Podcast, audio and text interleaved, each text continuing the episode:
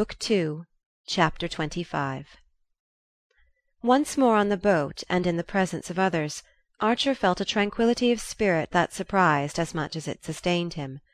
The day, according to any current valuation, had been a rather ridiculous failure. He had not so much as touched Madame Olenska's hand with his lips, or extracted one word from her that gave promise of farther opportunities. Nevertheless, for a man sick with unsatisfied love, and parting for an indefinite period from the object of his passion, he felt himself almost humiliatingly calm and comforted. It was the perfect balance she had held between their loyalty to others and their honesty to themselves that had stirred and yet tranquillized him a balance not artfully calculated, as her tears and her falterings showed, but resulting naturally from her unabashed sincerity. It filled him with a tender awe, now the danger was over, and made him thank the fates that no personal vanity, no sense of playing a part before sophisticated witnesses, had tempted him to tempt her. Even after they had clasped hands for a good bye at the Fall River station, and he had turned away alone, the conviction remained with him of having saved out of their meeting much more than he had sacrificed.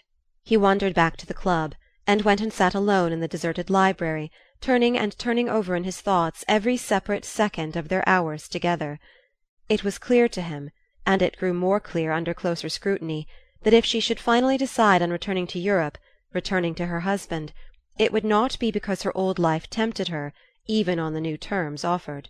No, she would go only if she felt herself becoming a temptation to Archer, a temptation to fall away from the standard they had both set up. Her choice would be to stay near him as long as he did not ask her to come nearer, and it depended on himself to keep her just there, safe but secluded. In the train these thoughts were still with him; they enclosed him in a kind of golden haze, through which the faces about him looked remote and indistinct. He had a feeling that if he spoke to his fellow travellers they would not understand what he was saying. In this state of abstraction he found himself the following morning waking to the reality of a stifling September day in New York. The heat withered faces in the long train streamed past him, and he continued to stare at them through the same golden blur; but suddenly, as he left the station, one of the faces detached itself, came closer and forced itself upon his consciousness. It was, as he instantly recalled, the face of the young man he had seen the day before passing out of the Parker house, and had noted as not conforming to type, as not having an American hotel face. The same thing struck him now, and again he became aware of a dim stir of former associations. The young man stood looking about him with the dazed air of the foreigner flung upon the harsh mercies of American travel. Then he advanced toward Archer, lifted his hat, and said in English: "Surely, monsieur, we met in London." "Ah, to be sure in London!" Archer grasped his hand with curiosity and sympathy. "So you did get here, after all?" he exclaimed casting a wondering eye on the astute and haggard little countenance of young Carfry's French tutor. "Oh, I got here, yes." Monsieur Riviere smiled with drawn lips. "But not for long. I return the day after to morrow." He stood grasping his light valise in one neatly gloved hand, and gazing anxiously, perplexedly, almost appealingly, into Archer's face. "I wonder, monsieur, since I've had the good luck to run across you, if I might "I was just going to suggest it. Come to luncheon, won't you? Downtown, I mean. If you'll look me up in my office, I'll take you to a very decent restaurant in that quarter." Monsieur Riviere was visibly touched and surprised. "You're too kind. But I was only going to ask if you would tell me how to reach some uh, sort of conveyance. There are no porters, and no one here seems to listen." "I know. Our American stations must surprise you. When you ask for a porter they give you chewing gum. But if you'll come along I'll extricate you, and you really must lunch with me, you know." The young man, after a just perceptible hesitation, replied with profuse thanks and in a tone that did not carry complete conviction that he was already engaged; but when they had reached the comparative reassurance of the street he asked if he might call that afternoon. Archer, at ease in the midsummer leisure of the office, fixed an hour and scribbled his address, which the Frenchman pocketed with reiterated thanks and a wide flourish of his hat. A horse car received him, and Archer walked away. Punctually at the hour Monsieur Riviere appeared, shaved, smoothed out, but still unmistakably drawn and serious. Archer was alone in his office, and the young man, before accepting the seat he proffered, began abruptly: "I believe I saw you, sir, yesterday in Boston." The statement was insignificant enough, and Archer was about to frame an assent when his words were checked by something mysterious yet illuminating in his visitor's insistent gaze. "It is extraordinary, very extraordinary," Monsieur Riviere continued, "that we should have met in the circumstances in which I find myself." "What circumstances?" Archer asked, wondering a little crudely if he needed money. Monsieur Riviere continued to study him with tentative eyes. "I have come, not to look for employment, as I spoke of doing when we last met, but on a special mission." "Ah!" Archer exclaimed. In a flash the two meetings had connected themselves in his mind. He paused to take in the situation thus suddenly lighted up for him, and Monsieur Riviere also remained silent, as if aware that what he had said was enough. "A special mission," Archer at length repeated. The young Frenchman, opening his palms, raised them slightly and the two men continued to look at each other across the office desk till Archer roused himself to say, "Do sit down." Whereupon Monsieur Riviere bowed, took a distant chair, and again waited. "It was about this mission that you wanted to consult me?" Archer finally asked. Monsieur Riviere bent his head. "Not in my own behalf.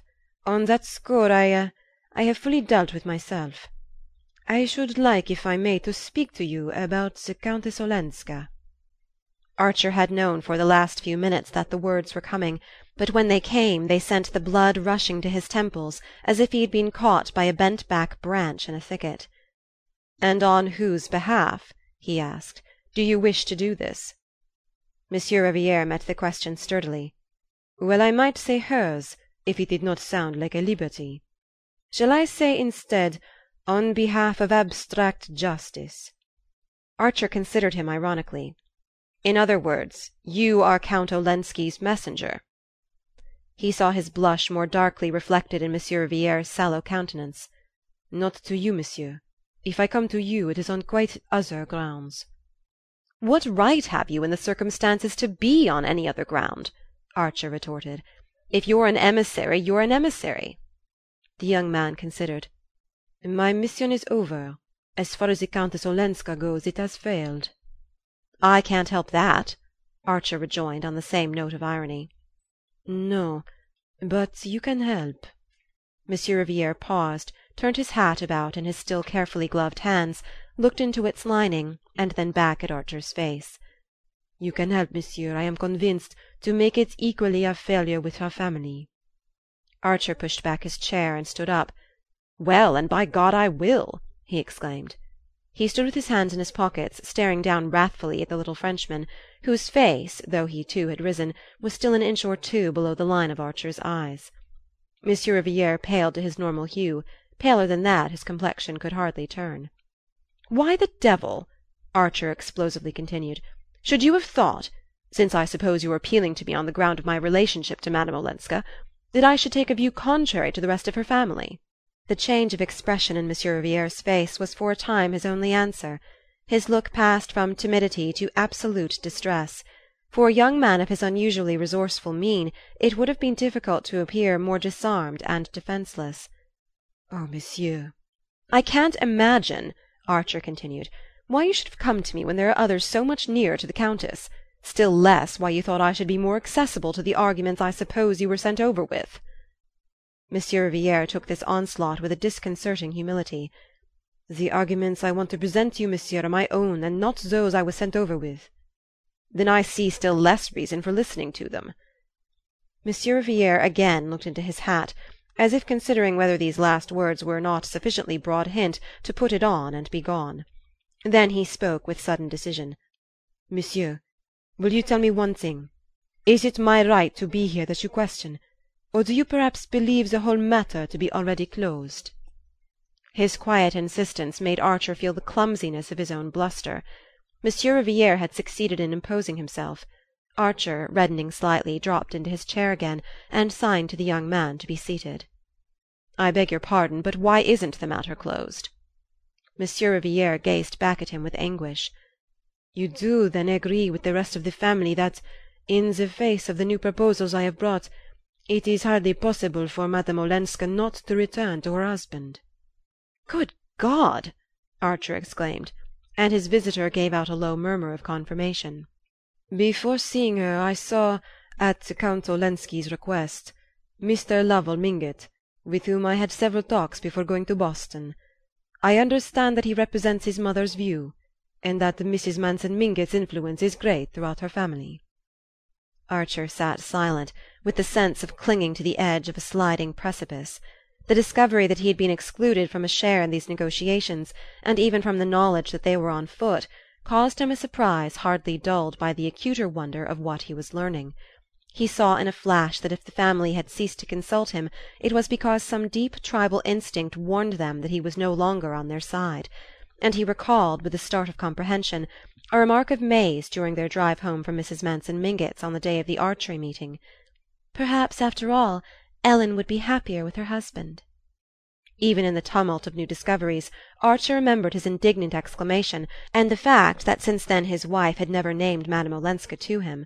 Her careless allusion had no doubt been the straw held up to see which way the wind blew; the result had been reported to her family, and thereafter Archer had been tacitly omitted from their councils. He admired the tribal discipline which made May bow to this decision. She would not have done so, he knew, had her conscience protested but she probably shared the family view that Madame Olenska would be better off as an unhappy wife than as a separated one, and that there was no use in discussing the case with Newland, who had an awkward way of suddenly not seeming to take the most fundamental things for granted. Archer looked up and met his visitor's anxious gaze. "Don't you know, monsieur is it possible you don't know that the family begin to doubt if they have the right to advise the Countess to refuse her husband's last proposals?" "The proposals you brought?" the proposals I brought." It was on Archer's lips to exclaim that whatever he knew or did not know was no concern of Monsieur Riviere's; but something in the humble and yet courageous tenacity of Monsieur Riviere's gaze made him reject this conclusion, and he met the young man's question with another. "What is your object in speaking to me of this?" He had not to wait a moment for the answer. "To beg you, monsieur, to beg you with all the force I'm capable of, not to let her go back. Oh, don't let her!" Monsieur Riviere exclaimed. Archer looked at him with increasing astonishment. There was no mistaking the sincerity of his distress or the strength of his determination. He had evidently resolved to let everything go by the board but the supreme need of thus putting himself on record. Archer considered. "May I ask," he said at length, "if this is the line you took with the Countess Olenska?" Monsieur Riviere reddened, but his eyes did not falter. "No, monsieur. I accepted my mission in good faith. I really believed, for reasons I need not trouble you with, that it would be better for Madame Olenska to recover her situation, her fortune, the social consideration that her husband's standing gives her." "So I supposed. You could hardly have accepted such a mission otherwise." "I should not have accepted it." "Well, then?" Archer paused again, and their eyes met in another protracted scrutiny. "Ah, monsieur, after I had seen her, after I had listened to her I knew she was better off here." "You knew?" "Monsieur, I discharged my mission faithfully. I put the Count's arguments, I stated his offers, without adding any comment of my own. The Countess was good enough to listen patiently. She carried her goodness so far as to see me twice. She considered impartially all I had come to say. And it was in the course of these two talks that I changed my mind, that I came to see things differently." "May I ask what led to this change?" "Simply seeing the change in her," Monsieur Riviere replied. "The change in her? Then you knew her before?" The young man's colour again rose. "I used to see her in her husband's house. I have known Count Olenski for many years. You can imagine that he would not have sent a stranger on such a mission." Archer's gaze, wandering away to the blank walls of the office, rested on a hanging calendar surmounted by the rugged features of the President of the United States. That such a conversation should be going on anywhere within the millions of square miles subject to his rule seemed as strange as anything that the imagination could invent. The change what sort of a change? Ah, monsieur, if I could tell you Monsieur Riviere paused. Tenez the discovery, I suppose, of what I'd never thought of before that she's an American. And that if you're an American of her kind, of your kind, things that are accepted in certain other societies or at least put up with as part of a general convenient give and take, become unthinkable, simply unthinkable. If Madame Olenska's relations understood what these things were, their opposition to her returning would no doubt be as unconditional as her own. but they seem to regard their husband's wish to have her back as proof of an irresistible longing for domestic life. Monsieur Riviere paused, and then added, Whereas it's far from being as simple as that. Archer looked back to the President of the United States, and then down at his desk and at the papers scattered on it. For a second or two he could not trust himself to speak. During this interval he heard Monsieur Riviere's chair pushed back, and was aware that the young man had risen. When he glanced up he saw that his visitor was as moved as himself. "Thank you," Archer said simply. "There's nothing to thank me for, monsieur. It is I, rather." Monsieur Riviere broke off as if speech for him were too difficult. "I should like, though," he continued in a firmer voice, "to add one thing. You asked me if I was in Count Olenski's employ. I am at this moment. I returned to him a few months ago for reasons of private necessity, such as may happen to any one who has persons, ill and older persons, dependent on him. But from the moment I have taken the step of coming here to say these things to you, I consider myself discharged, and I shall tell him so on my return, and give him the reasons. That's all, monsieur." Monsieur Riviere bowed and drew back a step. "Thank you," Archer said again, as their hands met.